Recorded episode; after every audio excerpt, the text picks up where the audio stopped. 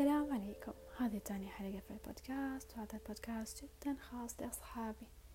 أنا داني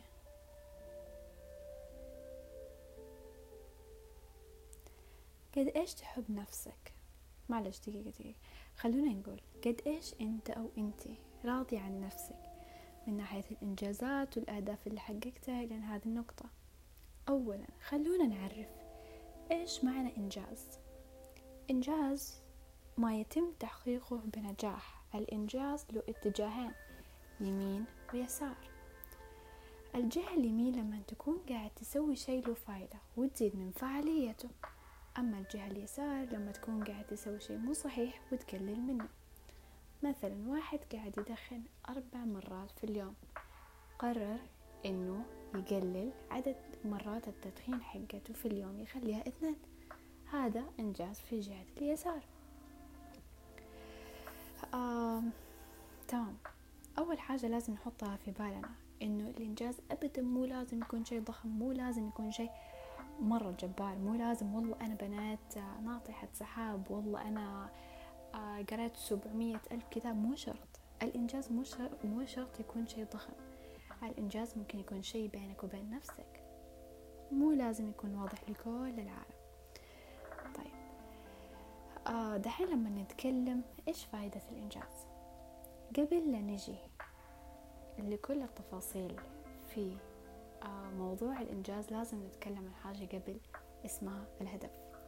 طيب إيش فائدة الهدف برضو؟ الأهداف بتوفر لنا اتجاه وبترشد الشخص لبذل المجهود وطريق يمشي فيه عشان يكون في نقطة معينة بعد فترة من الزمن.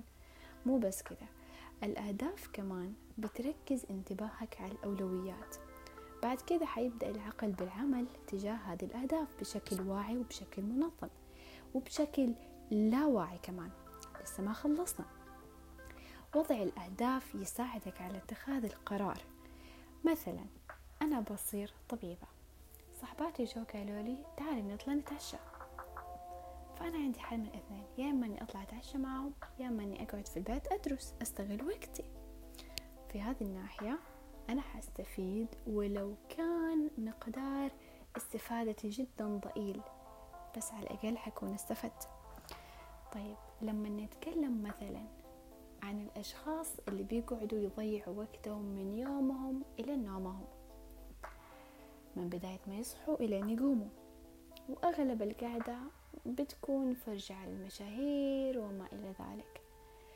ولما نيجي نتكلم عن المشاهير كثير من المشاهير بيكونوا خلاص خلصوا شغلهم وأنتجوا محتواهم وقاعدين يقدموه للشخص عشان يتفرج عليه. وأنت أو أنتي قاعدين نشوشاتكم ما بتسووا شيء. اذا كنت مثلا من الأشخاص اللي غير ملتزمين في تحقيق خطة الهدف لأنك متعود على تضييع الوقت. أنت إنسان دائما متعود إنك تضيع وقتك. بس ما زال الهدف مرسوم في مخيلتك بشكل متكامل. طيب أحب أقول لك لا تخاف أو لا تخافي لأنه بعد فترة حتصير تتضايق أنت من إسفاه الوقت لأنك ما أنت قاعد تنجز شيء. أنت في شيء تبغاه ما أنت قاعد تسويه. فما حتكون راضي عن نفسك تلقائيا. هذا الشعور راح يحركك بالأخير حتى لو كان التقدم بسيط. وفي هذه الحالة نقول خيرا أن تأتي متأخرا أن تأتي متأخرا خيرا لا تأتي. كون أن الواحد يحط هدف هو قاعد يقود مستقبله بالشكل الصحيح. وعشان نكون منصفين برضو لازم نذكر إنه مو كل شيء نبغاه حيصير زي ما نبغى في نوعين من الظروف ظروف تحت سيطرتك وظروف خارج سيطرتك. فلابد إنه نأقلم نفسنا على الظروف اللي خارج سيطرتنا. وفي نفس الوقت نحاول قدر المستطاع إنه إحنا نسيطر وناخذ زمام الأمور في يدنا. أتمنى انكم استمتعتوا جدا بهذا البودكاست. وإذا عندكم أي إنجازات سويتوها حتسووها أرسلوا لي هي وأعطوني رأيكم في الحلقة. وأنا داني أشوفكم في الحلقة الجاية.